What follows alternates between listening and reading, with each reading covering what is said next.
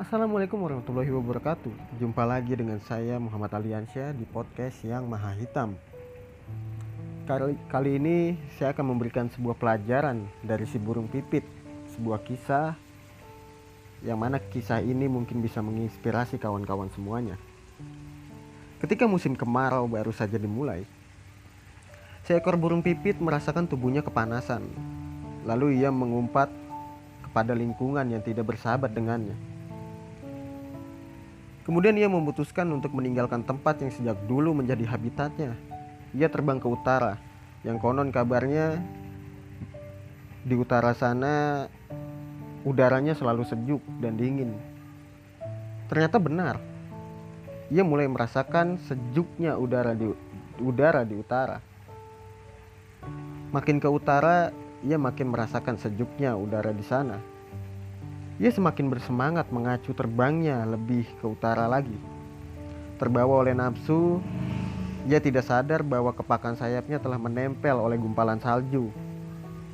Makin lama makin tebal, dan akhirnya ia terjatuh ke tanah karena tubuhnya terbungkus oleh salju. Sampai ke tanah, salju yang menempel di tubuhnya justru semakin tebal, hingga akhirnya si burung pipit tak mampu berbuat apa-apa. Dia menyangka bahwa riwayatnya telah tamat pada saat itu. Dan ia merintih sambil menyesali nasibnya. Mendengar suara rintihan si burung pipit, ada seekor kerbau yang kebetulan melintas dan menghampirinya. Namun si burung pipit ini kecewa. Mengapa yang datang hanya seekor kerbau? Ia pun menghardik si kerbau agar menjauh dan dalam hatinya mengatakan makhluk yang tolol tidak akan berbuat sesuatu untuknya. Si kerbau tidak banyak bicara. Ia hanya berdiri, lalu ia buang air kecil tepat di atas burung pipit tersebut. Si burung pipit semakin marah dan memaki-maki si kerbau.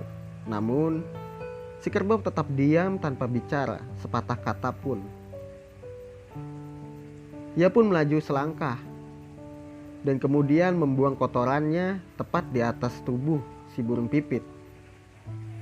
Dan seketika si burung pipit tidak dapat bicara karena telah tertutup kotoran kerbau. Si burung pipit mengira dia akan mati karena tidak bisa bernapas.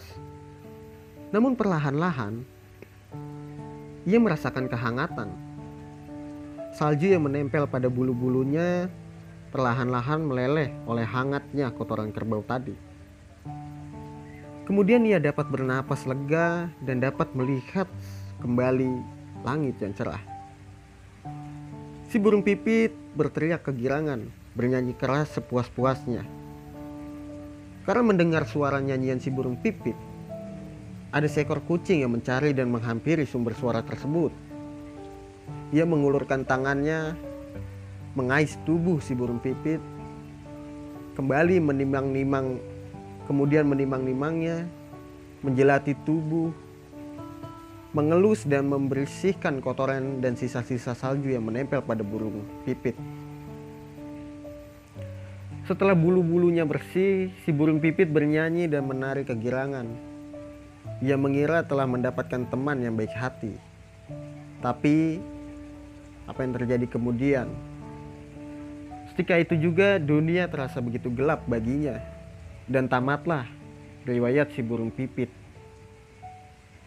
Itulah sebuah kisah. Pelajaran dari si burung pipit. Kisah yang bisa kita ambil dan kita petik dari kisah tersebut adalah jika kita kedinginan carilah tai kebo. Carilah tai kebo dan air kencing supaya kita tidak kedinginan dan jauhilah kucing agar kita tidak mati. Itulah hikmah yang bisa kita petik saat ini. Semoga bermanfaat. Terima kasih. Sampai jumpa kembali